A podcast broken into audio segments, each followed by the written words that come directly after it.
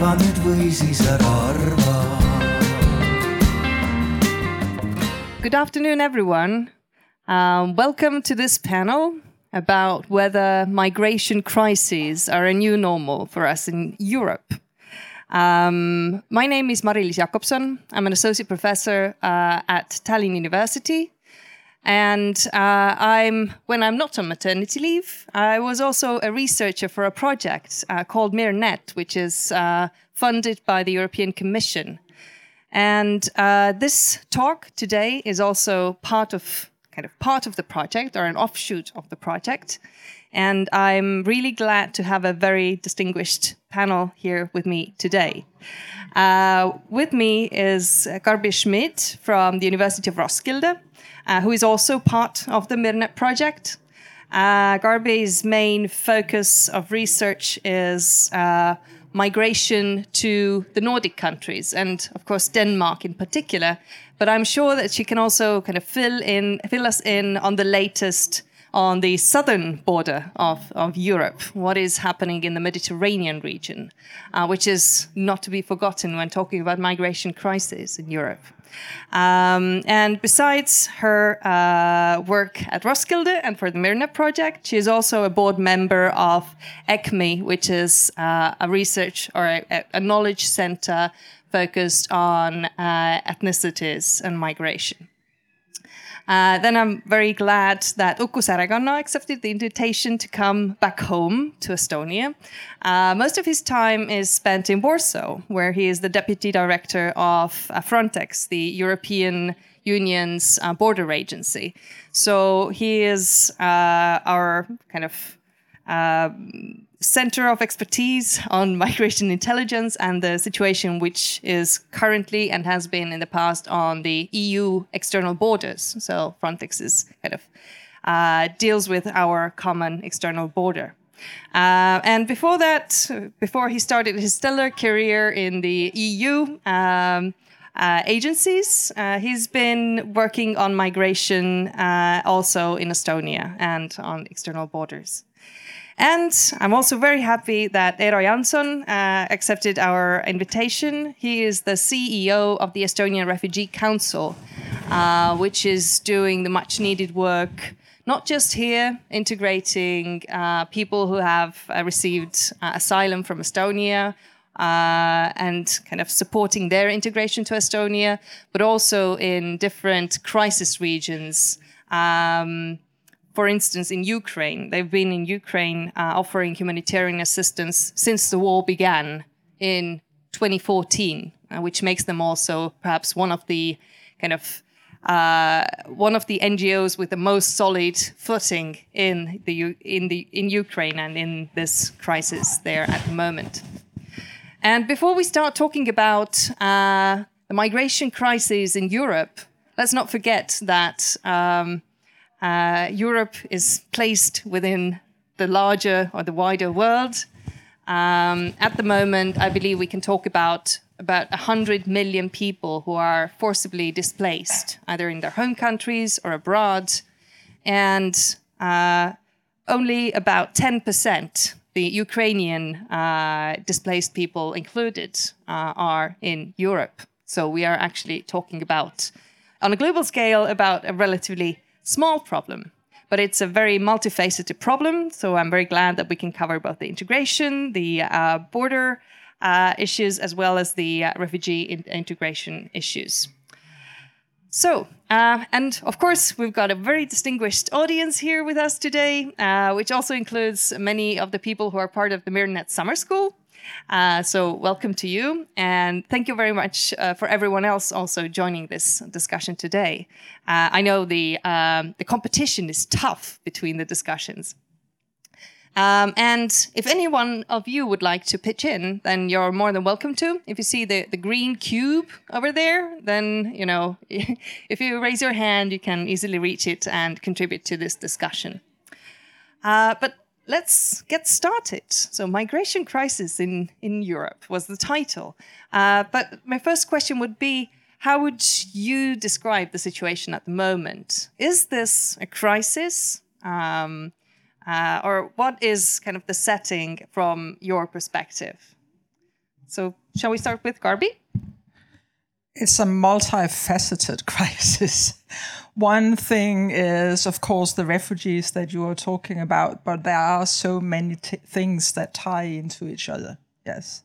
So, so refugees, and of course, we're going to concentrate on that here is is part of it. Um, I think it's been significant and interesting to see how Ukrainian refugees have been received. For example, in Denmark, we have received around twenty-seven thousand so far, but they have been received I would also say, from a legal point of view, quite different from other groups. They have access to society and integration basically from day one. And I think, you know, also when we are talking about integration, when it comes to refugees, it's one of the things that we have to consider.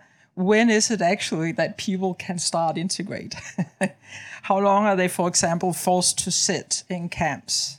Uh, are the, is the situation in the country where they are? Uh, I mean, the, the hosting country. Is that focusing on integrating people, or do they actually see them as well? You're here for a couple of years, and then you can leave again. And that is, and I'm not going to take up too much time, but the situation in Denmark is that Ukrainian refugees, yes, they are permitted to integrate, but on the same time, they are they do have temporal residency. That means that they cannot just stay in Denmark forever. And I think just that is important also when we are talking about legislation. Do people actually have the permission to stay for an extended period of time, or is it just a couple of years, for example? Um, so, yes, that's the situation in Denmark. And whether this is a crisis, I think that we all feel that it's a crisis. Yes. Ref- the refugees, definitely, and in particular.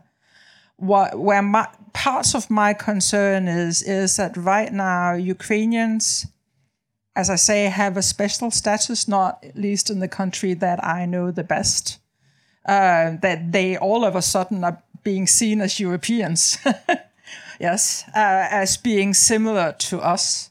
But what is the situation going to be in two years' time if this crisis situation is not just a matter of what is happening here and now, but is actually an extended situation that goes on like forever? So the uh, temporary protection directive kind of has um, I don't know, has it mildened the crisis, the migration crisis in general, that the Ukrainians can come and, and stay and not go through a very complicated procedure of, of applying for uh, asylum? At least for that group. Okay. But for other groups uh, who, for example, right now are sitting in refugee centers uh, or detention centers. Uh, that's not Ukrainians, but that's people from Afghanistan, from Syria, um, other countries in the world. They see this as blunt and utterly discrimination. Yes. So you have one group of refugees that are permitted to integrate, to use their resources, to use their, use their skills, and in that sense also maintain their skills and resources where you have people who sit in camp for years and years um, and who lose whatever they had.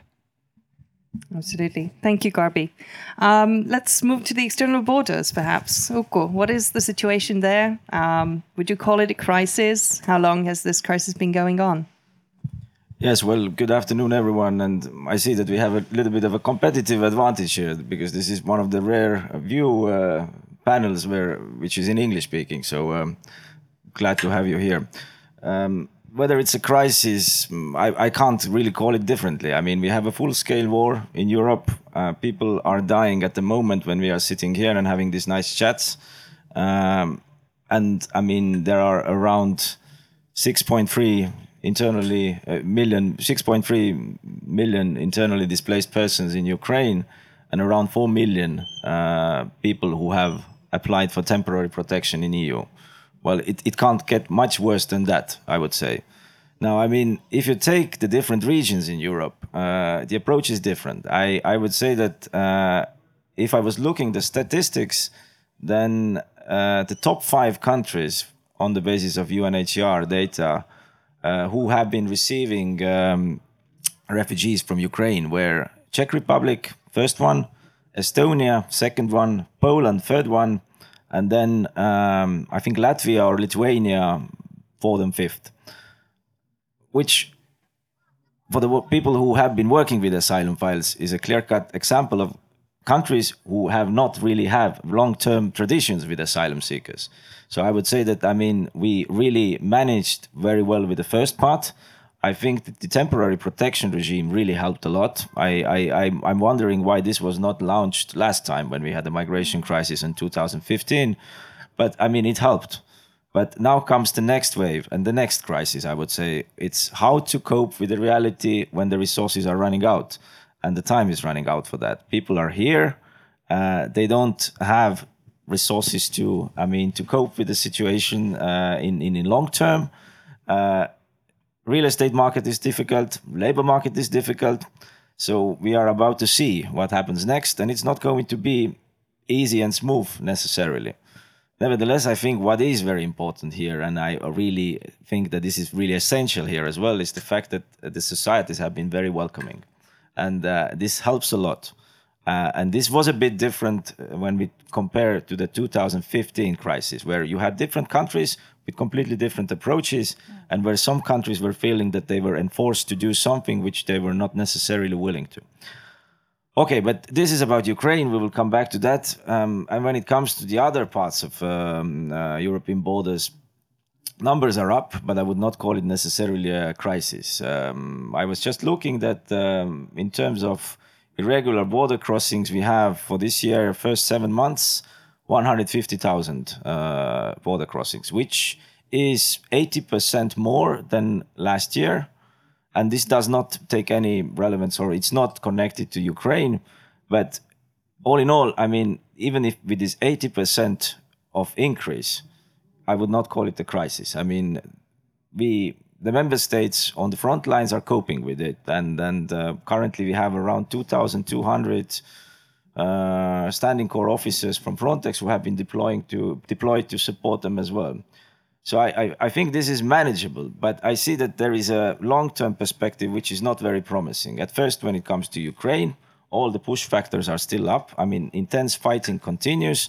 I mean, Russian terror campaign continues also across the country.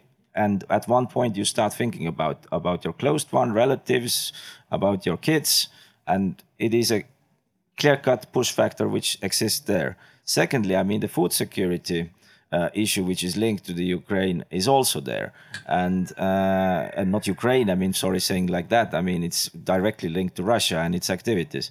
So um, it's it's also there, and our assessment from Frontex risk analysis side is that uh, it will have an impact starting from next year. We don't see it immediately now. But I mean, the countries who are concerned, which are the MENA countries, Middle East countries, and North African countries, are likely to see the consequences, and this will be translated also to the traditional migratory routes that we have. So the outlook is not very promising. So we are in the crisis, not in absolutely every European country, but I think even the one where we are today, I mean, we are facing quite a lot of challenges, which could be called crisis. And secondly, I mean, I see that there is a huge um, risk list of risks coming. I mean, which which could materialize in in, in forthcoming few years. But I stop here. Thank you. Just to follow up a bit and to put this into perspective. So, in 2015, I believe the uh, number of irregular border crossings was about 10 times higher than what we have today, the 150,000. But we still have about four or five million people crossing from Ukraine to other European countries. So, um, does Frontex have to do anything with with the Ukrainian uh, uh, refugees or people fleeing from Ukraine as well, or is your position different somehow in this crisis? I, I think it's a very good one because I um, I think we we kind of projected our agency completely different in this Ukrainian crisis. I will tell you why. I mean. uh, I'm running also the crisis cell, which is producing on a weekly basis, at in the beginning of the war, uh, on a daily basis, the statistics about border crossing points and about the figures of Ukrainians who are entering, and also all the other uh, persons who are coming from Ukraine. And what we did in the beginning of the war, uh, first few weeks, our focus was clearly on the border crossing points and to see whether member states are able to cope with the flows. And our focus was there on how to speed up and facilitate the entry, uh, which is quite unique in terms of Frontex. I mean, Frontex mostly has been dealing earlier with illegal and irregular migration. I mean, this time it was a bit of a different focus we had to have. And I think it worked. I mean, here I would not take the honor only for Frontex because, I mean, most of the occasions it were the member states who were bordering Ukraine. I mean, they run the crisis mechanisms, they had the emergencies in place, but at least we tried to help. And we deployed, I think, within two weeks, around 200 people to help Romania, uh, now around 80 people to, to Moldova and several other countries, which is of help. But I would say that still it was the member states bordering Ukraine who did the, the, the most of the work. But just to say that the narrative was a little bit different in this crisis.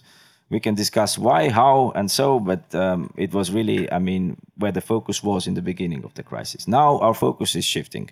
Now it's the next phase.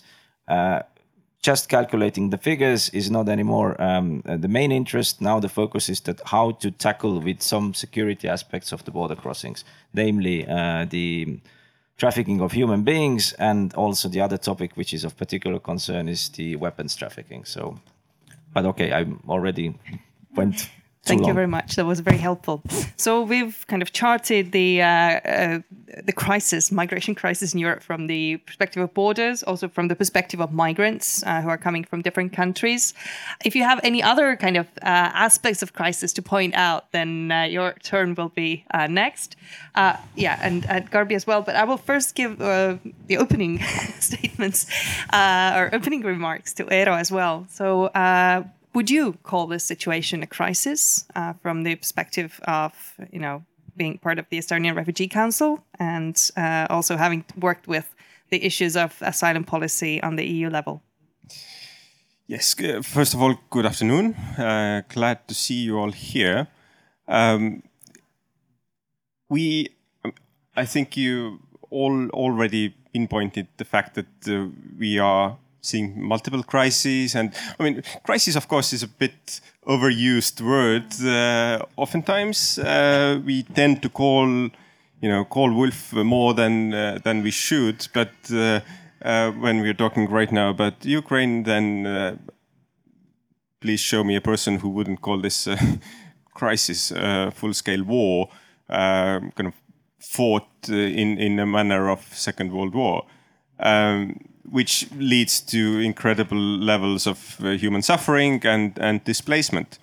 Uh, although, just to put the small twist to it, then uh, the 100 million people who are on the move because of forcedly on on the move because they have been displaced, uh, they haven't. This increase hasn't come from Ukraine only. We are seeing uh, different displacement crises all over the world from Venezuela to uh, Myanmar to Syria, Yemen, uh, uh, South Sudan.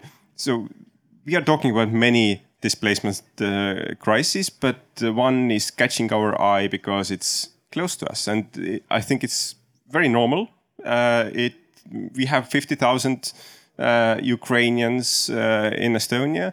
Um, as Uku said, this is one of the highest uh, rates per, per capita in, in Europe. So uh, this is affecting us as a country, and this is normal to be uh, feeling this uh, this uh, pressure. Uh, in Ukraine, there is a crisis, as Uku already noted. We are one of the humanitarian aid providers inside of Ukraine.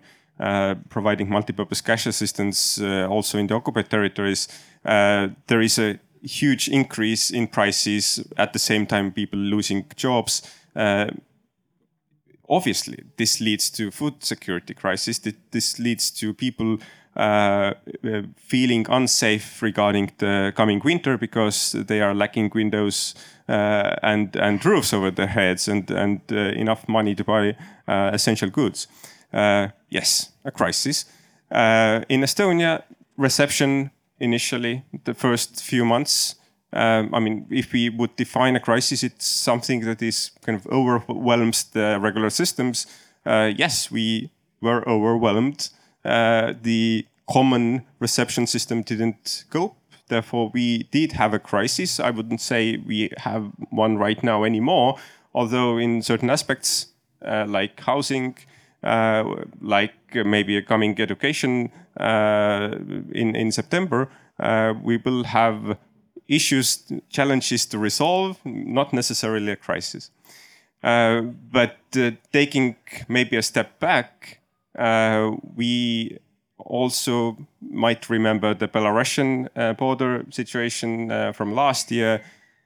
I would say we had a, definitely a legal and moral crisis uh, back then, uh, with Afghan refugees being evacuated uh, from Afghanistan to Poland at the same time when there were tens of Afghans fleeing the same conflict stuck on the no man's land between Poland and uh, uh, and Belarus. So different types of crisis. Definitely Ukraine not the the only one there, but closest to our hearts and, and minds because of the proximity and, and uh, the number of people that we have seen here. I will stop here, uh, but if you have any follow up, please. Okay, thank you very much. So, any other aspects of a migration crisis which we should cover when we talk about it? Would anyone like to add something, or I will give the word back to Garbi in the meantime to to kind of follow up on what's been said already. I hope I'm not taking the word from everybody. Then for anybody, then I let me know. No, it's just um, I think it's again the, when we're talking about crisis, there's also a question of who experiences this crisis, uh, and right now I think we have started, uh, and it's just to add another dimension to to what crisis can be understood as. That right now our, our discussion focuses on what I would say meta, the meta level. Yes, the effects on states, the effects on groups, the effects on the EU, the effects on borders. But what about individuals? Yes, what about the individual migrants? What about family trajectories? What about those who um, are not able, for example, to get into Europe? You mentioned the the the the, the crisis, or another aspect of crisis in Belarus. Yes, but if you go to Morocco, if you go to Turkey, or for example, if you you visit Lesbos, you will also see this this. I mean, you will also meet these experiences of stuckness, either because uh, you're not able to get into Europe or you're not able to get further. Yes. So there's also this thing about what is this doing, for one thing, to individual human beings, and then secondly, you mentioned the word moral. So there's also an aspect of ethics here. Yes, what who when we're talking about crisis and solving a crisis, it's also a question of who should we solve this for, and can we solve it for everybody? What should we pay attention to? Should we pay attention to borders or individual migrants or, or refugees? So the moral aspect of these crises, I think, is also something that we should address. Yeah, absolutely. So it's it's not just about states who are managing migration and how they are kind of performing, but it's also about uh, the individual stories of migrants, which we need to take into account. Um, Garbi, you were to Lesbos quite recently, right? Uh, can you give us a glimpse of what the situation is there? I mean, we're talking mostly about every second word seems to be Ukraine. Um, uh, and and this kind of seems to be like the first uh, kind of association when we kind of use migration crisis at the moment. Probably not too many Ukrainians there. What's the situation? Um, that I actually don't know. and I should be careful to be anecdotal. The thing is that I am a part of another uh, EU initiative uh, where we were three universities, European universities, one in Paris, one in Denmark, my university, and then one, uh, the Aegean University on Lesbos, that con- collaborated on a project involving students, and the project was called Exiles which meant that when we visited Lesbos and we were there for a week, of course we we visited both, um, uh, yeah, refugee camps. Uh, we spoke with refugees and we spoke with uh, with NGOs uh, and activists. The situation there was I was there in early April. Um, there's something here that another thing that I want to add, and that is right now there's a lot of attention on the Ukrainian crisis, and I do agree with you saying, well, we have to. A part of this multifacetedness is that there's several crises going on at the same time, and but we have our, our attention towards certain crises. Right now it's Ukraine, but a lot of things are happening in sub-Sahara uh, other parts of the world, yes, that we pay that we pay less attention to because that's not what is written about in the newspaper. So people are still drowning on their way to Lesbos. Yes, that that was one of the things that the local um, reported on local activists. That there were still reports about you know bodies being found on the beach. Uh, another thing that uh, people discussed was that they thought it had become increasingly difficult to work as activists in this field because um, people were up against not least people who lived on the mainland who really said, you know, we do not want anybody to help these refugees. Uh, and people had actually been threatened.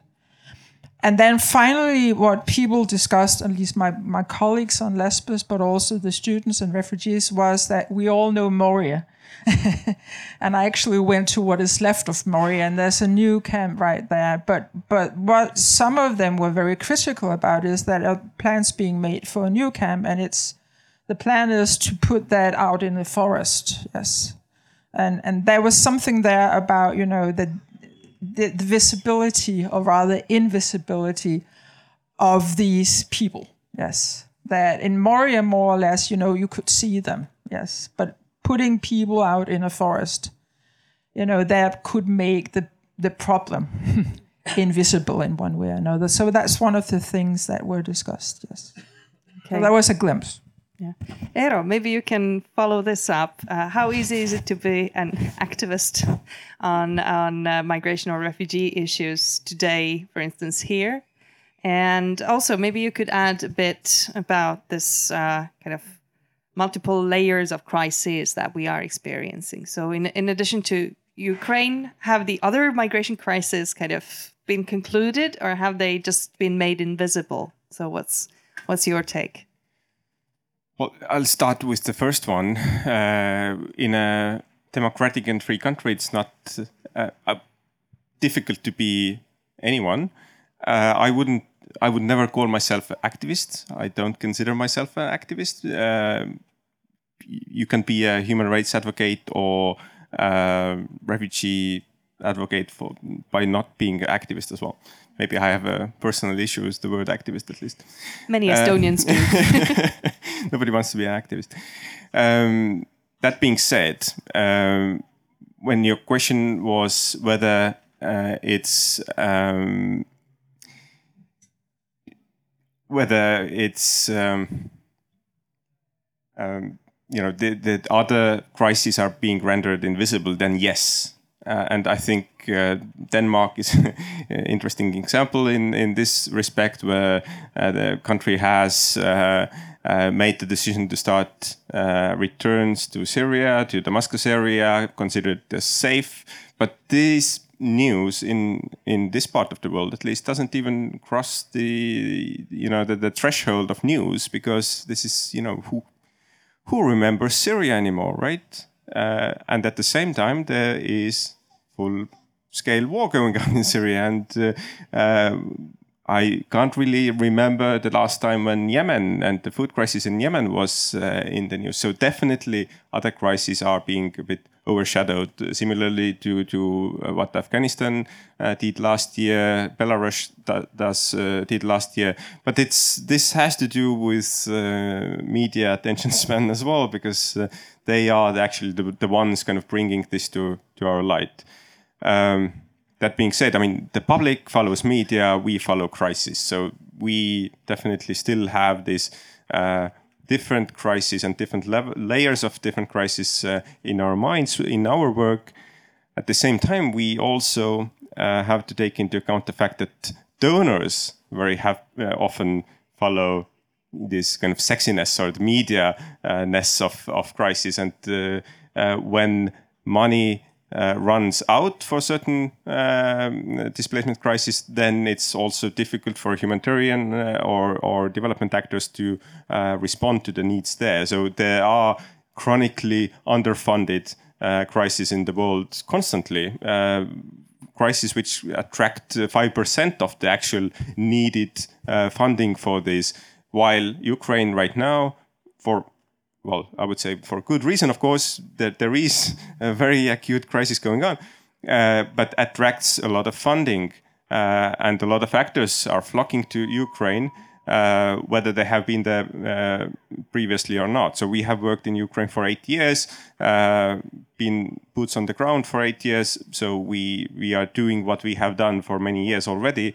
while at the same time you know many many others are coming because of this kind of uh, this is the new Syria, this is the the new crisis. I have to go there um, and do something. So it's understandable uh, again, but at the same time, this is not really sustainable when it comes to crisis management and and reacting to uh, actual crisis and responding effectively.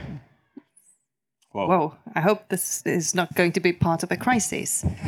Um, but yeah, you're absolutely right. And, and this is why the Estonian Refugee Council is kind of a very interesting example because you've been boots on the ground in Ukraine for eight years. And for a lot of people, the war in Ukraine just started in February. So uh, it kind of shows how conflicts kind of can endure for long times, and some some organizations have returned now, right? And uh, yes, exactly. Actually, yeah. uh, Ukraine is one point of example because. Uh, uh, we stayed for these eight years while many others packed their bags and left because the, the conflict became frozen and uh, donors pulled out. and if donors pull out, then organizations eventually do as well.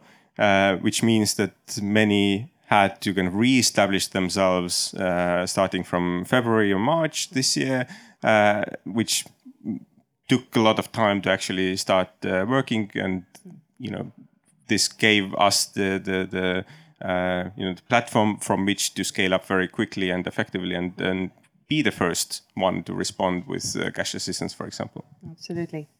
Okay, uh, a lot of aspects of the migration crisis have already been mentioned. Anything else? Anything we haven't covered? I think uh, there was a hand over there. Could we send the green cube over to kind of add to our? Um, yep. Okay.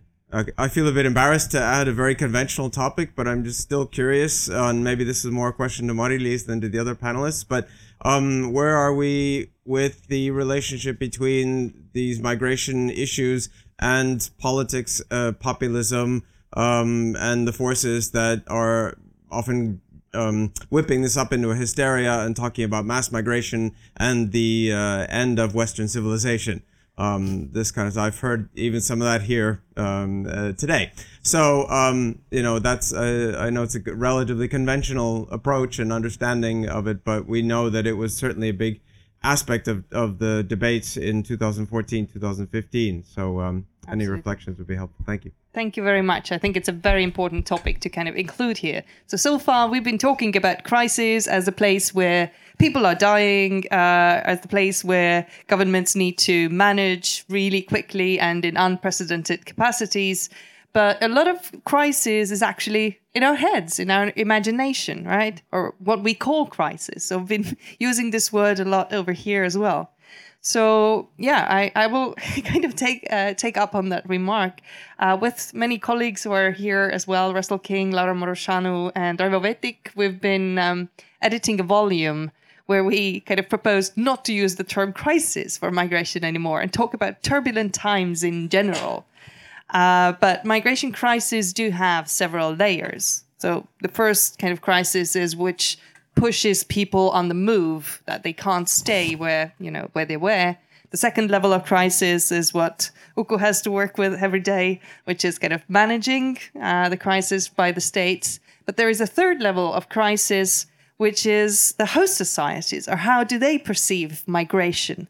So, what's what's your take on this? Um, what is the kind of perception of the situation? Is is this kind of crisis rhetoric? at the height? Has it changed as compared to the previous or the one before the previous migration crisis? Uku. Yes, I think it's not changed. It has not changed at all, and I think it's it's getting worse and worse in a sense that uh, um, I mean, I take my example, Frontex, and also me personally. I'm under heavy fire every day from both sides. I mean, I have far right accusing us that we are not doing enough to secure the borders. I have the left on the other side saying that we are not saving enough uh, human lives on the sea in difficult circumstances. To some extent, both are right. I mean, so what we have done is that I have simply asked to, uh, yes, maybe some good reminder what's happening somewhere else at the moment. So what I have really asked uh, is to walk a line. I mean, we do what is in our mandate. We deliver what is in our mandate. We don't lecture member states how they should act. We do within we do the mandate or we follow the mandate according to the during our operations. Now, as comes to your question, I mean about the um, how this could be manipulated, how this will be used. I mean, we saw the results now. I mean, if you look around in Europe, you have far right parties, absolutely every second member state represented in the parliament. This is a second wave after the migration crisis. So something went completely south during the management of this crisis. And I think there were several measures that should have been considered. One was the temporary protection uh, directive, which was available at that time, which was not considered. But instead of that, I mean, the Commission came out with a hilarious proposal for quotas and uh, kind of forced deportation, which was not helping anyone. I mean, it caused a lot of frustration among refugees. It caused a lot of frustrations at local levels and resulted with the far right parties emerging absolutely everywhere, including here. Well, maybe not far right, but I mean, at least going a bit to the extreme. That's one thing. And second element, I also still wanted to come back to the previous discussion. I feel Ukraine is different, and I think we should seriously treat it differently because this is an existential question for Europe. Maybe not for whole Europe, but it's an existential question for Estonia, for example. If Russia succeeds in Ukraine, then we are next. And simple as that. If we don't recognize that, then I think we are in trouble. And this is also the thing which also goes with the refugees. I think why we have such an overwhelming uh, um, sense of solidarity with the Ukrainian refugees is exactly that we can feel being in their shoes. And I think we should not underestimate it. We should support that. We should not ask questions. I mean, why they are feeling more privileged or not. I mean, it's a good feeling. I mean, it's good that we are helping. Let's make it work. And I think it seems to work very well. But I think what is really important is that the Ukraine is not only a concern, it's an existential question for Europe and for several member states. We can, I mean, I would also wish that we have peace in Yemen, no food crisis and famine in Africa, in sub Sahara, all good. But we have limited resources, we have limited capability on political level on ensuring that. But what happens in Ukraine really matters very directly to us. And in that sense, I think all the political attention needs to be put there in order to get it right. But that's that's that's my personal feeling. I know it's unfair a bit, but it's simply an existential question. Garbi Era, would you like to kind of comment? We is Ukraine different? Ba- well, it's it is a comment or it's a follow up because if you know this thing about existential crisis, and I do follow you, but there's perhaps also an existential crisis in, for example, how humans are being treated in deportation centers. Yes. I do have examples of people who have been sitting there for years, and when they started living in the center, you know, they were pretty okay. But after three, four, five years, they are not okay any longer. Yes, people are falling apart. And I think that's up against, I mentioned ethics before, but also, well, if this is, I mean, the existential crisis could also be what kind of values do we want to build our society upon? Yes. What, what is the worth of every human being? Both those who are part of our members of, of our states, of our nations, but also those who are not or not necessarily considered members of our nation. So this thing about what is the worth of a human being, and that's also why I, you know, insist on also yes, that the larger lines are extremely important, but also this insistence on the individual, whether that is possible. Because I mean, this is this is so blurred. This is so difficult. I'm happy that I'm not in your shoes, uh, although they're really nice. Um, but but another thing um, that I want to mention is that this thing about crisis. There is, I would say, a tendency to look on these types of crises in a very narrow historical perspective. Yes. So uh, right now our focus is on 2015 and onwards. Yes. But what about you know similar crises in one way or another? that happened in the 60s, in the 50s, in the 40s. What kind, also when you mention or talk about populism, yes, the populist debate, the, the populist arguments that are used right now are not new. They're absolutely not new. I mean, it's one big repetition, yes. But how was that dealt with? Yes. How have we early on dealt with crises, these types of crises? across Europe. I think we could also we could both learn something there and we could better our policies here. Yes, and Kierke agrees. She's definitely distressed. Eero, so your thoughts is uh, two questions have actually popped up. So the first is about um, uh, the kind of the moral panic, which is around migration crisis and how it's peddled in in various states. And the other one, what do you think? Is Ukraine different? Should we treat it differently, uh, or should this kind of humanist argument that Garbi proposed be be used here? Uh, I'll start with the second one. So uh, Ukraine is different, yes, uh, because of, as I said, the, the, because of the proximity of, because of the existential crisis which Uku mentioned. I think uh, we are treating it differently, and for a good reason. But uh, on you know, and this is understandable for us as Europeans. Uh, this is close to us. I mean, Mediterranean crisis is also close to us, but in a in a different uh, manner. But uh, at the same time, I think we also need to then yes take uh, one step back and also uh, you know treat, as Garbi was saying, treat crisis also in a in a comparable way. So we the the person dying in uh, in Yemen or Congo is of equal worth when it comes to us as humanitarians, to us as humanitarian aid providers, where we are following humanitarian principles of uh, uh, equality and, and neutrality and independence, etc., and humanity for for being the first one. Um, but for a good reason, we are treating Ukraine differently, and uh, yes, it, there is the political component to it very strongly, which we are taking into account. It's there.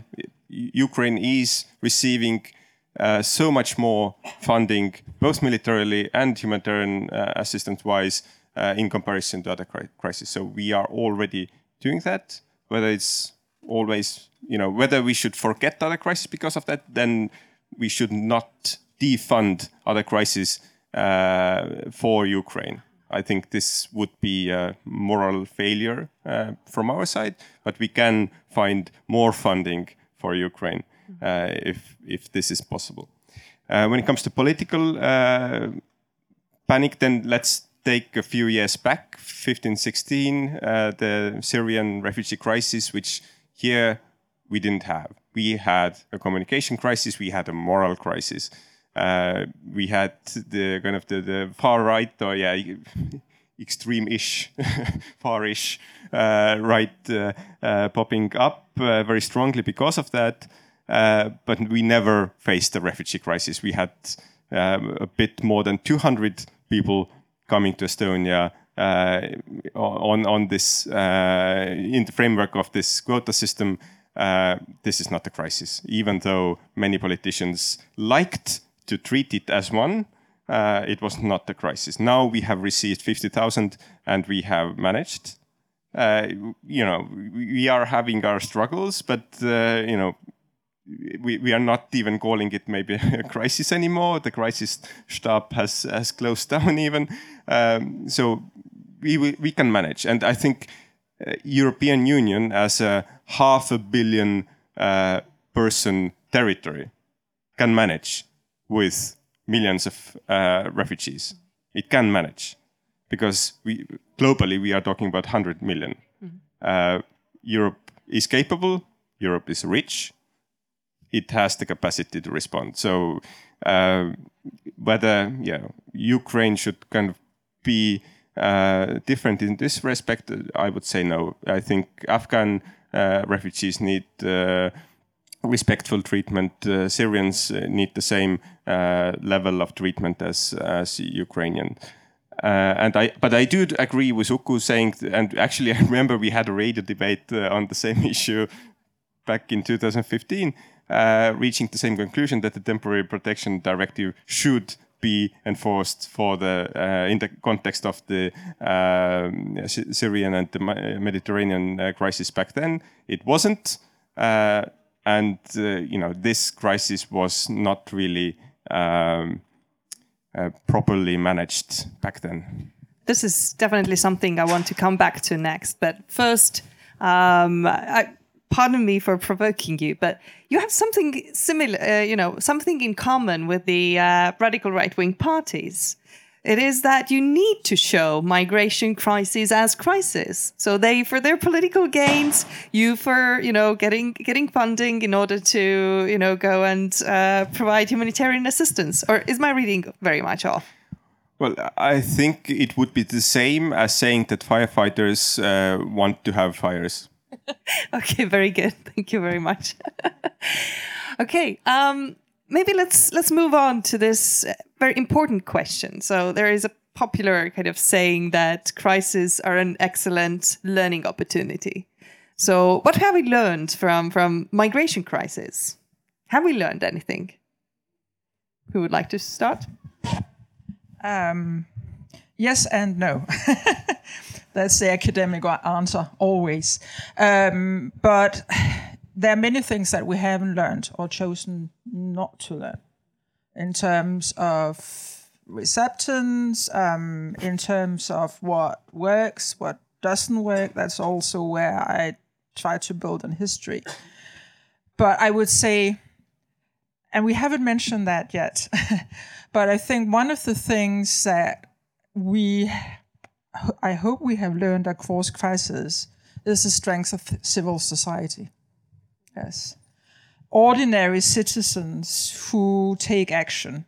That is one of the things that I really think is strong when you're looking uh, at the current price crisis is how people have opened their homes, for example, and try to help Ukrainian refugees. The same thing also happened in 2015. Uh, this is not pleasant, um, but but um, I think this thing about really. Um, not underestimating what civil society can manage to do in this situation and, and actually pay more attention to that in our, you know, whenever we are focusing on states and larger agencies, that, you know, there's something there about what the, the actions that people, you know, ordinary citizens take that is important. So this is also why the uh, kind of reaction to the crisis in Ukraine has been different. That we've learned from the previous crisis, or I don't think that is necessarily new. Um, it's it's become it's extended, but I still remember, for example, standing on the central station in Flensburg in 2015, and you had all these volunteers that helped, uh, you know, Syrian refugees who had arrived, and you, then you know took the train to the central station of Copenhagen, where you also had ordinary citizens standing there with water, with water and food and so on. So that I would say there's a willingness to help. Um, but perhaps, I mean, again, the question is, of course, also how long is the attention span in this? So right now it's the Ukrainian, it's also been the Syrians, but what about, you know, anybody else? But there's a strength there that I think we shouldn't underestimate. Thank you. Um, Uku, what has Frontex learned from the crisis? Well, I don't know so well. I mean, Frontex that what they have learned in comparison with the previous crisis. It's a completely new agency. That's I can tell. I mean, it's uh, now it's going for this ten thousand standing corps officers with uh, its own equipment, um, a lot of things. But I think that's not the essence of the crisis and uh, the crisis management. I, yes, in comparison to 2015, we have more walls in Europe. We have more uh, technical equipment at the borders we have probably more border officers uh, deployed. That's all good. But I mean, what is missing is this bridge between what happens when a person arrives to the border and what happens to the non-refoulement principle. And I think this is the moral dilemma, which is still the elephant in the room, and where you have so different views from different political sectors that uh, uh, um, it's it's very difficult to understand even how we can reach to some sort of a consensus there and if we can't reach the consensus, then we have what we have. We have the rules in place, and we have to follow them. And now, I mean, uh, what probably was the biggest lesson in, uh, learned from this 2015 crisis was that do not enforce uh, the uh, kind of a do not enforce anyone to welcome anyone. I mean, that was basically what the commission was doing. I mean, the proposal was that I mean, let's distribute all the people, not all the people, but the number of people arriving. I mean, let's establish quotas. And really, this triggered a very furious discussion and reaction in many member states.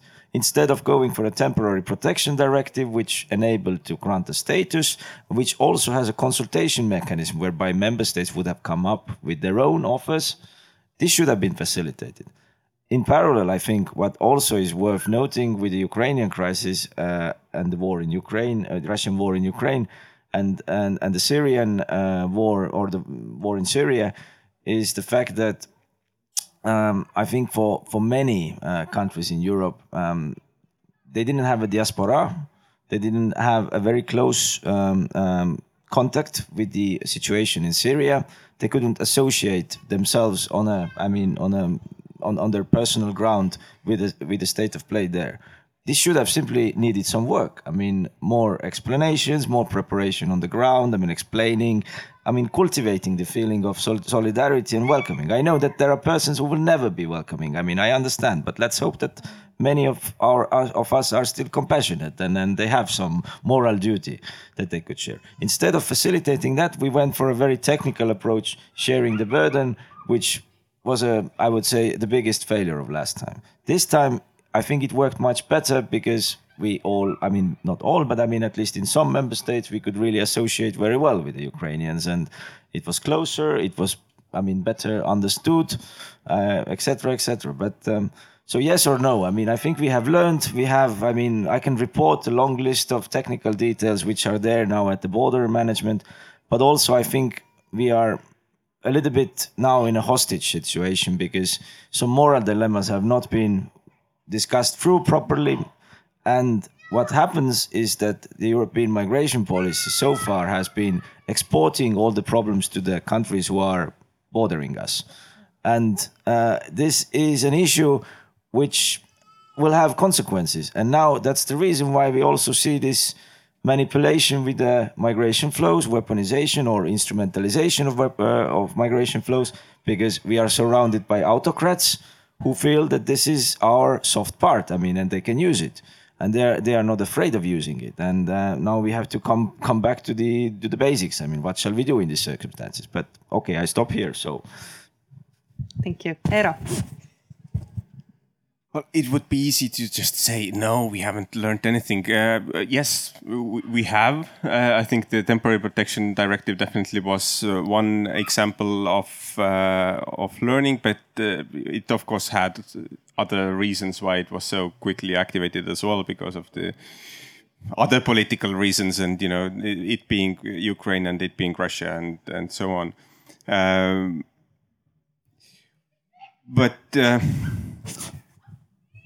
to a certain degree, I would still argue that we are we are very bad at learning from crisis. Uh, After each crisis, there is this kind of uh, small window of opportunity of actually changing something for the better, uh, but it usually kind of winds down to political bickering, and then the window closes, and uh, then we come back to the same issue two years later and uh, start arguing, it, and it leads nowhere.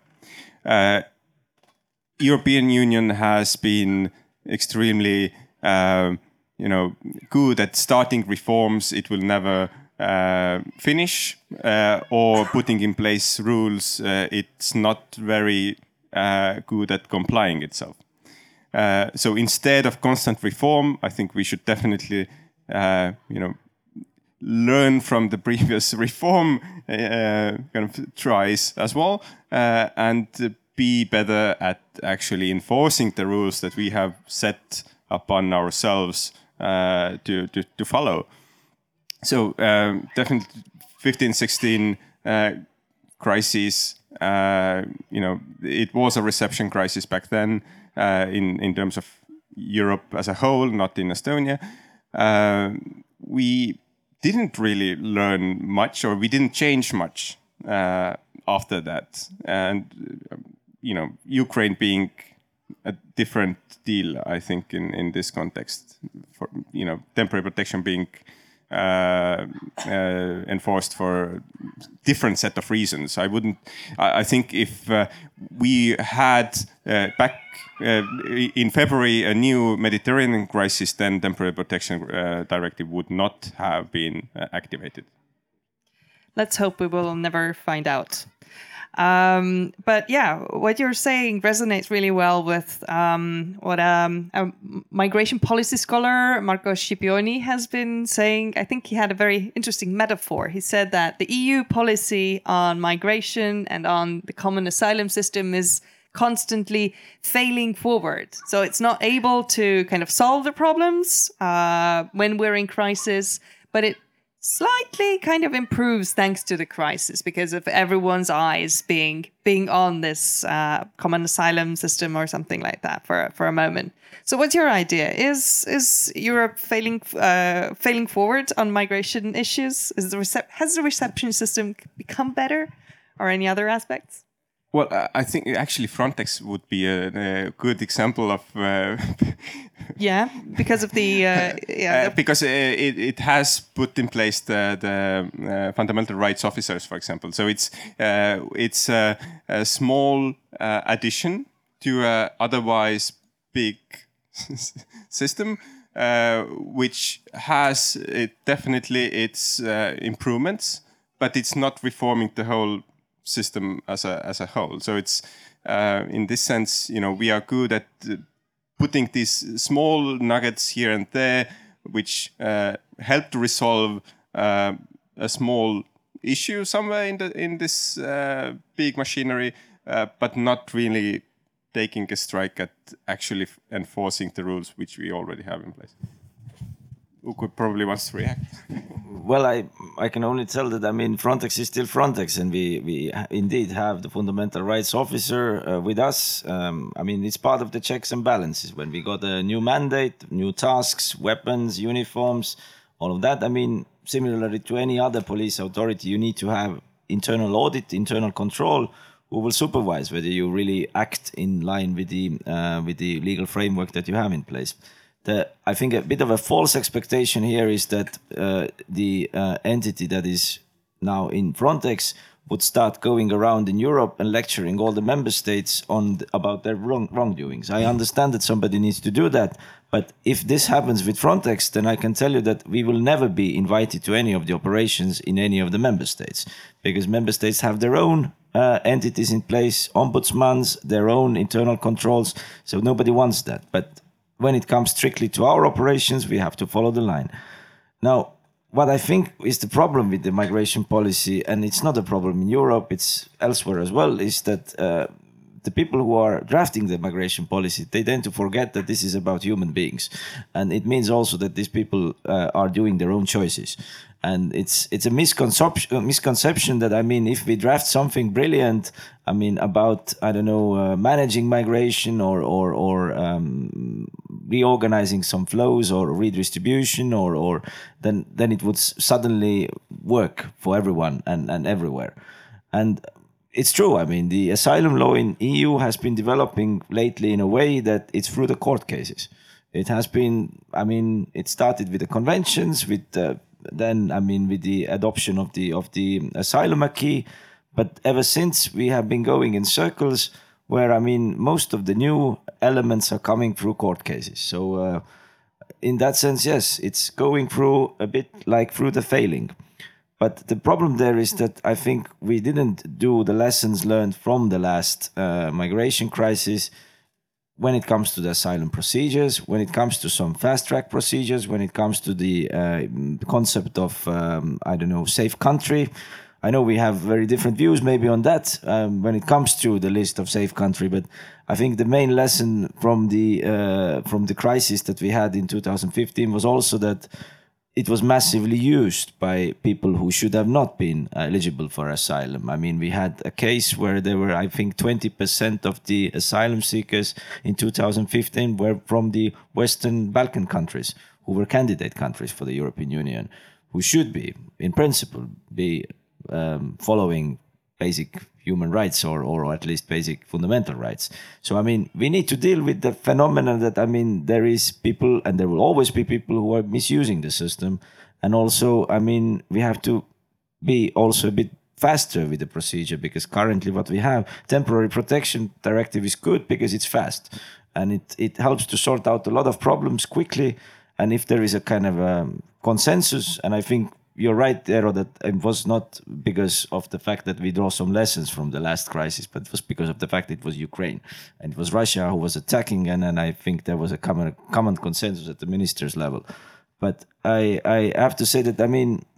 We, we, there is a, some not only fine tuning but quite a significant reform needed in asylum uh, legislation to really adjust it to the new reality on the ground but um, I don't have a kind of a formula here. I mean, I was writing few articles during the last crisis. Uh, I mean, about recipes for migration crisis. I I still sign up to everything that I put there, but honestly, even that is a little. So um, it's it's it's still in progress, and I, I don't see that, that there will be any quick fix for for any of it. Garby, are we failing forward? Yes, we are. um, and what to do about it. For one thing, I think we should be we should do something to our attention span um, and our historical knowledge. Um, secondly, I'm quite aware it's not all crises that can be foreseen. um, but there could still be some indications that there could be paid more attention to. For instance, climate change. Uh, and right now, what we are talking about here is, you know, Europe as being one entity, and then you have things going on on the outskirt of Europe, and you know, but what about the day when people from Spain, Italy, uh, Greece, whatever, cannot live where they do? Then you know this these crises become an intra-EU problematic. How is that going to be handled? Is that a part of the discussion? I'll sign on to Garby's question. I'll sign on to your question. So, Yeah. would anyone want to take that? If we have a migration crisis within the EU, so um, would that be handled with ease, or will that still mean that we are kind of going to be stuck with the different regulations um, or nation states opposing the issue? What would change if it wasn't Ukraine? If it was, yeah, people from Spain, for instance, uh, fleeing um, unsuitable climate situations? I think uh, UK, a lot of UK residents actually did leave for Spain to live there uh, because of unsuitable living conditions in, in the UK. Um, you know, jokes aside, uh, I think the uh, anything which happens intra EU would be solved definitely differently.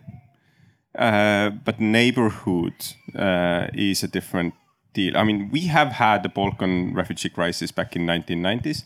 Uh, actually, I think it's a good precursor for uh, the, the, crisis we are concentrating on right now because it also uh, meant that millions of people were dispersed across then EU, uh, and they when the crisis, you know, the war uh, ended and re was resolved, then the, most of them also uh, returned to their uh, home countries. Um, but if something would happen right now in the Balkans, then of course it would be uh, similar to to uh, Ukraine, I, I, presume, in how it uh, would be resolved. But otherwise, I, I, yeah, I think I do agree that climate change is a big factor in general going forward in in the migration debate, and it's already up there in in the agenda. Uh, and we will also see the effects of that. But not only us, but also other, you know, more even other regions in the in the world. Because I, I think one misconception that we see very often is the fact that, uh, or the the claim that you know everybody wants to come to Europe. No, they don't. uh, you know, uh, the the intra-Africa uh, migration routes are extensive, and uh, a lot a lot more people uh, move around uh, between different African countries, uh, not everybody's wanting to come to Europe.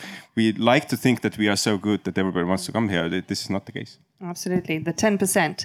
The green cube is still among us. Well, will you pick I it up? Well, then yeah, I can... just quite a quick add yeah. uh, before I give it away. Yeah. Um, is that that, that um, one thing that I think has been learned in the crisis, and perhaps not in a good way, is of course what Boris Johnson and his friends learned, which is. Uh, make agreements with countries like Rwanda to uh, take in migrants. So I'm quick. I'm interested in your opinions on is that the wave of the future? Um, uh, you know, agreements with third countries uh, in that ma- in that manner. I think Denmark has also signed on to that uh, business plan. So um, you know, what's what's the story there? Thank you. You can pass it on over there, and more more people waiting. Would anyone like to take this? Uh, yes. Uh, so externalization is definitely on the agenda in many many capitals uh, of uh, of Europe.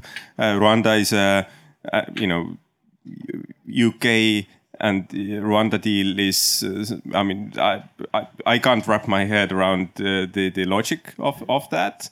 but this is something which has been you know countries have looked into these possibilities for years and years. This is some, not something new, but now that the UK is outside of Europe, they just uh, European Union, sorry, uh, they just uh, found it uh, easy to actually start realizing that, and uh, Denmark being the, the other one.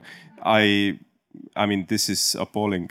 Uh, but again, the, you know, uh, there have been uh, tries by Denmark, I think, also to you know to fly um, to fly uh, detention centers uh, to to Albania, and you know, the, different things uh, have been on the table. Usually, fortunately, they come up against the fundamental rights principles we still have uh, embodied in the, in the EU uh, fundamental uh, treaties. But uh, with without that, I absolutely I think what we have done uh, in regards to Libya. Uh, and just keeping people in in places in Niger, etc., where it's not up to the European standards, but you know easier for uh, European countries to uh, to resolve uh, their their own kind of mi migration problems, then they just take the bait and, and go for it. Yeah, there are basically two types of externalization. So one is to keep uh, people, well, refugees or asylum seekers from Europe, uh, you know, in in uh, countries before Europe, so to say, and the other is to fly them off if, if uh, they are applying for uh, asylum. And I think the case with the UK and Rwanda is is the latter, and Australia has been using that for, for some time already. Okay, there is one more comment over there, and Yeah. Uh, I also actually had a question that wanted to brought into perspective to this view of global governance of forced migration. And I, I wanted to maybe problematize this uh, view that we had that there is something like existentially unique about the Ukraine crisis. And for a moment, I tried imagining myself as someone who is emotionally close, not to Ukraine, but perhaps to Syria, Afghanistan, Yemen, and so forth. And, uh, and to hear this kind of discourse that there is you know something completely unique about something happening in a very different part of the world. So I, I kind of worry about um, the prospects for uh, this global governance. There's already been uh, some sort of discussion that you know this solidarity with Ukraine and the victims of aggression. It's very obvious in Europe, but we're sometimes shocked that in Africa and so forth there hasn't been this move to cut off from Russia and to work with solidarity with Ukrainian refugees. So. Uh, if we want to have this kind of global governance uh, of, of migration crises, uh, is this kind of talk about how unique Ukraine is? Is this productive to this? And is there is it possible that we could have uh, this global view of the situation? Thank you. good.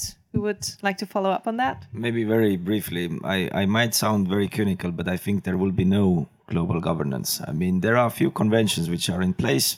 And I mean, West is, I mean, and Western Europe, European Union is counting a lot on them. I mean, in fact, I mean, that we have conventions on refugees, I mean, also helps a lot in Africa because it helps to, I mean, negotiate with internally uh, the, the movement of refugees and their treatment and so on.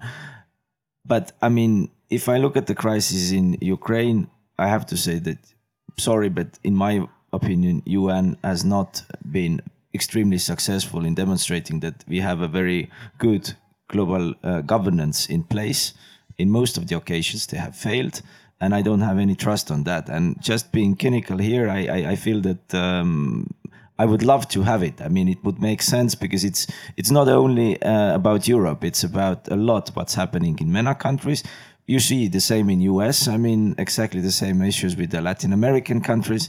Uh, it would make sense that I mean globally we would try to address the migration related aspects, but um, in practice I see little happening on the ground. So, um, and again coming back to Ukraine, true. Uh, it's probably because as an Estonian, I really feel that this is an existential threat for me, my close ones, my relatives. If we fail there, I mean, the whole Europe will fail. And that's probably also why we treat it so differently. We are simply closer, we simply feel more concerned. But I understand if you are across the Atlantic and, and then you see the wider picture, I mean, there are similar um, developments elsewhere on the planet. I mean, why exactly the priorities there? It's simply I think that this is a really existential challenge for, for, for the for the for the Western countries as such. That's the reason. I mean, and then it's for many it's it's personally very very attached. So perhaps the Ukrainian crisis is making us even more kind of regionalized uh, in the world. That it's you know we feel that we have to deal with the crisis at home first, and then think about where else can we go or should we go um, with with uh, handling the crisis. I mean, that is that is a political argument in the country that I know the best. Yes, that the reason why we should help Ukrainians is that that is in the vicinity of Denmark. Yes, so the over the last years, this argument is popping up constantly. Yes, that you know, countries, neighboring countries, should help neighboring countries. Yes, and that is also an argument why for why Ukrainians are given specific privileges. Yes, so there is something there about you know who are you close to, and and. But besides that, I really do uh, understand what you're saying. I mean, these are basically somebody who's really close to you and and and and also in terms of geography and that of course may have an effect on how you understand people Thank you. I see the green cube has moved. Hi. Um, I think it's working. Yeah. I mean, um, in terms of the overuse of the word crisis, because w- when I hear, I mean, as someone who is from Bangladesh originally, I'm also a British national. Um, so when I hear, uh, you know, um, listen to you and the number of refugees and stuff, I feel like the crisis is really like you know overestimated and overused. Yeah. I mean, Bangladesh is a really poor country, a really tiny country, you know, um, with a, with with a, like almost no land to spare, you know, and they are hosting like a million, you know, Rohingya refugees, you know, fleeing the neighboring Myanmar, and and in in Europe, you have much more resources, you know, in terms of economy, in terms of land, you know, facilities, and you talk about the 20,000 migrant and it become a huge crisis for you. you. I mean, I, I feel like, you know, there is a huge gap in how the crisis and migration is understood, understood in, in different geographical context. In, even if you look at the Africa, I mean, millions of African migrants live in other countries or, or stuck between two African countries, you know, in, in sub-Saharan countries. In the millions, you know, not, not in the thousands.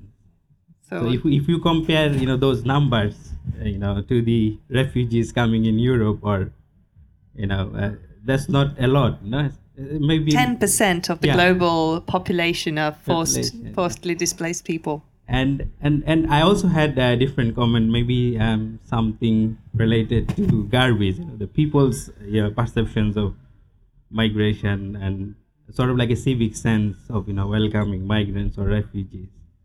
I mean, we talk a lot about the differences, but I think what the far far right do better, and we don't, is that they identify the differences in ethnic differences, in religious differences, and similarities in you know in whiteness. We don't talk about this. We just you know keep them like back of our mind, and we try to you know do a broad brush definition. So um, how do we you know educate the civil society and you know make them you know understand the diversities and living alongside the other you know people of other color other race you know other beliefs so yeah that was my sort of comment question yeah thank you So who would? Yeah.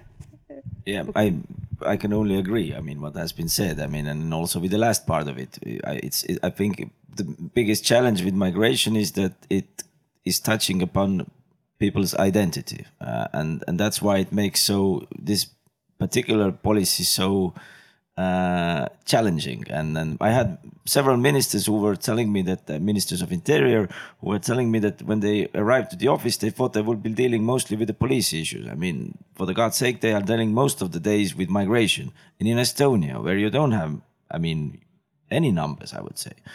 But that, that's that's I mean the sensitivity of the issue, and then also I mean the backbone. It's also related with the identity. So I, I think it is a bit part of the human nature on the other hand, I just wanted to elaborate a little bit further on this Ukraine issue because otherwise, maybe I give a wrong um, perception here.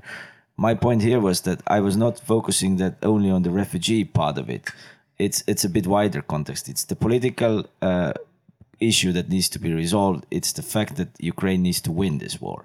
And uh, part of this is also the uh, willingness to help the refugees. And I think a lot of people in Estonia and also many other countries feel that, I mean, this is temporary. They will win it, they will go ha- back home, and we will help them as long as it takes. And I, I think this is also a bit what is a bit unique of that when when we saw I mean how the crisis evolved in the first uh, weeks and months then uh, uh, Ukrainian men were not allowed to leave from the country so all the people crossing the borders were women with kids and elderly people who were not under the conscription. And I mean it created also in media a kind of a prescription of, of people who were extremely vulnerable and I think this touched a lot of uh, people who were um, I mean part of this solidarity and, and an approach which is good which is normal which is I mean helping but I want to say that I mean we should when I was saying that Ukraine is uh, existential qu- for us and when it should be treated specifically it's the whole factor of elements there. It's not only the refugees but it's also the fact that militarily they need to win uh, and i mean morally they need to win and morally also Russia needs to lose. And I think that's that's what is making it so special and why we are putting so much political effort there. And where I feel that I mean, different from many other crises across the globe, I mean this is something where simply this is due to the closeness and due to the fact that it's so next to us uh, is is the reason why why this special treatment is is is somehow justified. Not that I mean I I uh, don't understand that there are similar occasions across the planet. I would add uh, to that, uh, that if we had the same opinion festival in Bangladesh, uh, we would be discussing the Myanmar and Rohingya crisis most probably. So it's uh, uh, it it is always. I mean, the, what's closer to you is closer to your heart as well. So it's uh, in in this sense, I would also argue that it is completely understandable why we are concentrating so much on on Ukraine because of the the proximity, but also because of the political uh, scene where we are operating right now, with Russia being Estonia's neighbor, neighbor etc. Um, so, in in this sense, I do understand the the uh, rationale. Let's hear the cube. Uh, thank you for a very interesting discussion uh, we, we can have here. Um, I, am from the Netherlands. I'm, I'm relocating to Estonia with my family. Um, and, and early in the discussion, we were talking about like how countries treat people differently, whether they are seen as, as, as guests, temporary uh, uh, refugees, or whether you put effort in integrating them into the society. I think, but that's my personal opinion, that the Netherlands has a long tradition of, of not integrating people into the society, uh, unfortunately. Uh, um, although they are welcoming many people, there, there are very socially very big gaps. Um, and I'm very curious about, like, uh, you were describing the Estonian situation. Uh, how would you think that, like, uh, there is the, the moral aspect of this war and it, it, things are very, situation is very horrible, but if it takes two, three, five more years, and um, refugees in Estonia want also to build their own life here, and Estonia is helping them, learning them Estonian. What What do you think? How will the Estonian society respond if, if most of the Ukrainian people decide to, um, or are, are because they cannot go back, uh, decide to stay in Estonia? What would that mean? What does it need to make that work? Very good question. I forgot to mention when talking about the different layers of a migration crisis, then you've got the fourth layer as well. So, how do you kind of facilitate the integration or uh, kind of becoming part of the society uh, for those people who were forced to migrate or who are part of the, the crisis? Right. Just to complicate things a little bit, what is integration? Um, true. what, yeah. When are you actually integrated? You know, what does that take to be integrated? Uh, I think looking at parts of the debate, um, also across Europe, you have groups in society who say, well, um, or minorities who say we've done everything to integrate, but then you know things just shift and we are considered integrate non-integrated according to other parameters just one small comment to Farid, because your comment made me think about uh, Arjun Appadurai's, you know, essay about the fear of small numbers. And there's also something there uh, about whether, whether and how numbers are important in this discussion. Yes you might have also again throughout history you know seen moral panics. You mean you use that concept yes when it was only a couple of thousands yes and then it might be a million. But there's something there also about numbers you know what what does it take to make a crisis in terms of quantity of quantity yes? When when is it that uh, uh, you know a society can actually manage a group of, of or want to manage a group of refugees and when not. But again, when we're talking numbers, I also think it's it's a complicated aspect of the discussion. Coming to your question, then uh, we know from refugee studies that uh, uh, the longer the time span that is kind of provided to individuals, you know, the the uh, understanding of uh, how long can they actually stay, uh, then the longer the period, the better the integration results. So if people, if refugees are given permanent residency from day one, like uh, United States does with uh, a resettlement program, like Sweden did at least uh, with resettlement uh, pro- program uh, in the past, uh, this leads to the best results because people have the you know the confidence and the the, the, the vision of their future that they can actually stay and they can really start to rebuild something. Temporary protection is for one year. Uh, this is, you know, um, we we are a lot, you know, discussing in, with the government and, and ministries, you know, integration of Ukrainians, while at the same time everybody are kind of waiting for the war to uh, war to end, and then people will obviously return. So this is the. I think there is a certain. Um, um, kind of clash of uh, understandings there because you know what kind of integration would we expect when people we actually actually at the same time are pushing pe- for people to to to go back uh, many are already going back uh, because I mean the, the, displacement from Ukraine and within Ukraine has been very uh, diverse. So different regions. Obviously, you cannot go back to Kherson or uh, Zaporizhia occupied territories uh, or Luhansk Oblast or Donetsk. Uh, but people also in the in the beginning of the war or escalation. Um, left from Lviv and uh, Ivano-Frankivsk and etc. etc. So it's people are moving going back. Some are going back and coming back again. So it, there is this circularity and, and returns already going on. Uh, I think uh, for us, uh, you know, from poli policy perspective, it's important not to force anyone to return to an unsafe country.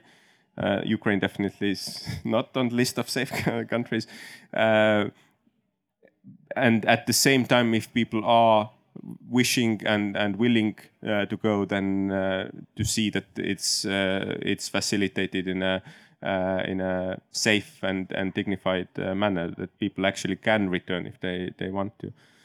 But going, you know, if, if, this war doesn't end, then we are actually, as Mari-Liis in the beginning said, then this is war which has already been going on for eight years. We have refugees from Ukraine uh, who have lived in Estonia for five to six years. They received uh, temporary residence uh, and and now are on their way to to citizenship, even if they they want to do that. So essentially, this is just you know we we are just seeing then more people who go down this path, and uh, then we can start talking about integration. Okay, uh, time is pressing pressing us, so maybe a quick round of uh, concluding remarks on what does the future hold for us.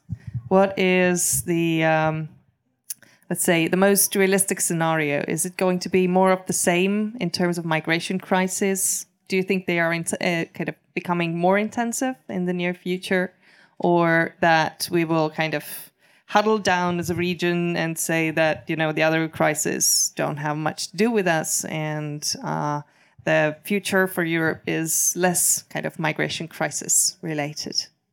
So I know it's a long question, but but I gave you options, so maybe short short answers to kind of wrap things up. Who would like to start? Uku, maybe. Maybe yes, very briefly. I hope I really hope that Ukraine will win. People have an opportunity to return home, and we do our utmost in the meanwhile to make them feel pleasant here. As comes to the rest of the migration challenges in Europe, I hope there will be a bit more mature reflection on both on the procedures when it comes to the asylum legislation, also on the expectations to the border control authorities and a bit more consensual approach. What shall we do with the with our neighbors? Um, but I don't see this happening very soon.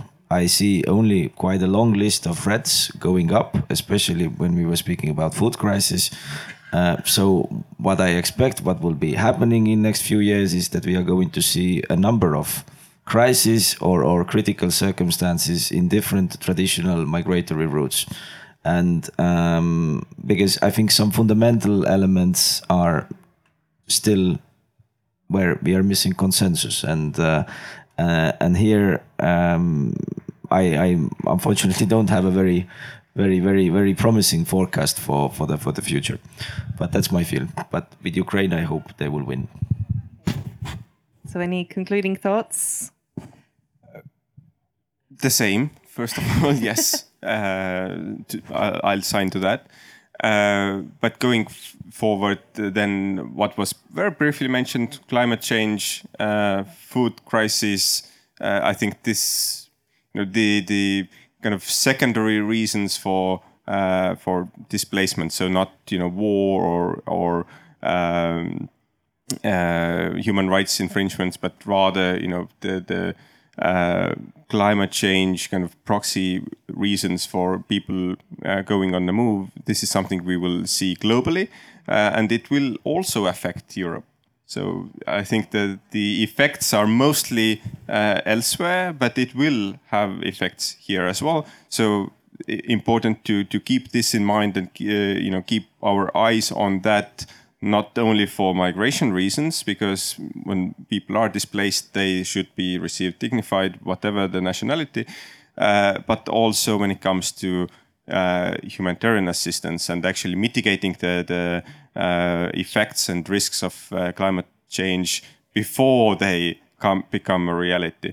Um, so I think we the turbulent times or what what was the metaphor that you uh, used are still ahead.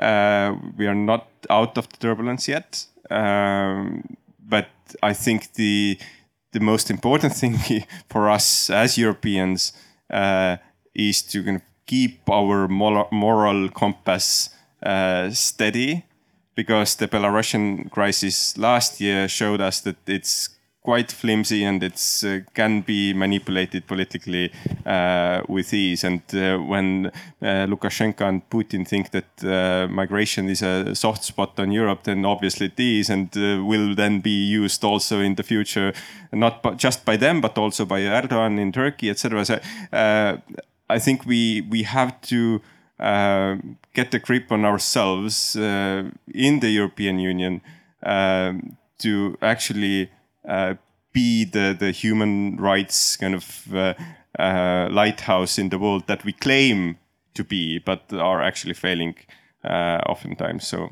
thank you. Thank you.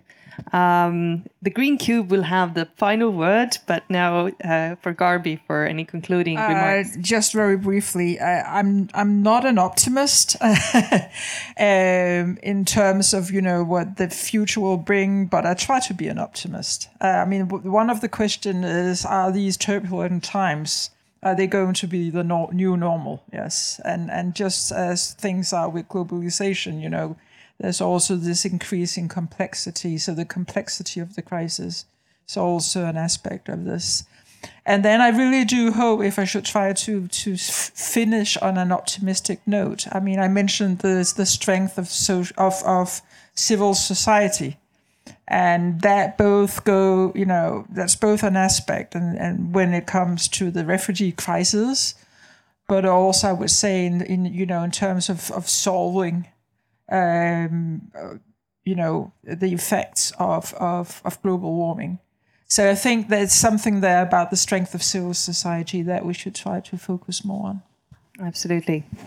Um, and for any concluding remarks. Sorry, sorry, I I was going to ask a question, but I realized that that my timing is a little bit off.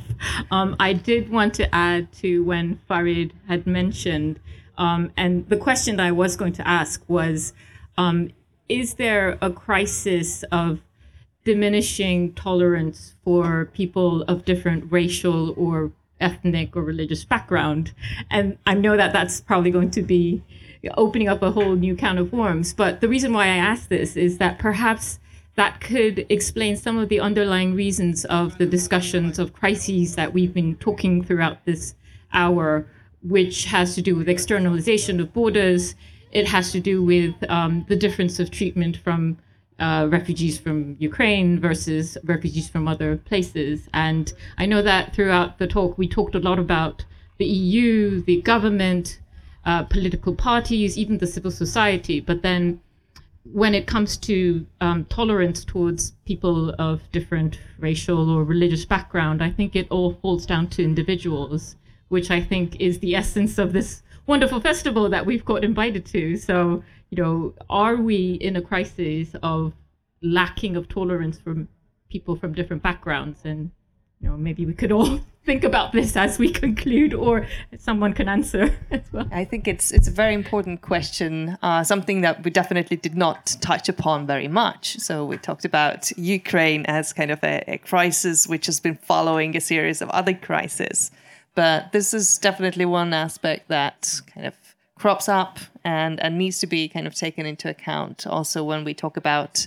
how we manage it how do we tolerate crises as as societies so to say but I think it's a very important question for future discussions. I hope the uh, migration stage will not kind of conclude today with this stage and the discussions will follow.